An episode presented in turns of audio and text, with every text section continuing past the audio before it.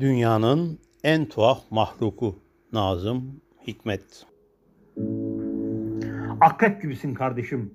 Korkak bir karanlık içindesin. Akrep gibi. Serçe gibisin kardeşim. Serçenin telaşı içindesin. Midye gibisin kardeşim. Midye gibi kapalı, rahat. Ve sönmüş bir yanardağ ağzı gibi korkunçsun kardeşim. Bir değil, beş değil, yüz milyonlarcasın maalesef. Koyun gibisin kardeşim.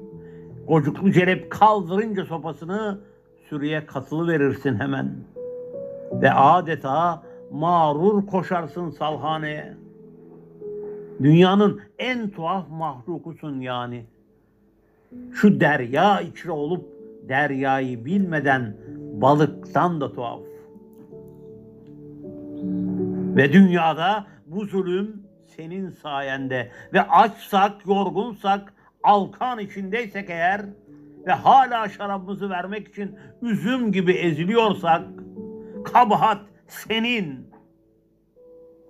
Demeye de dilim varmıyor ama kabahatin çoğu senin canım kardeşim.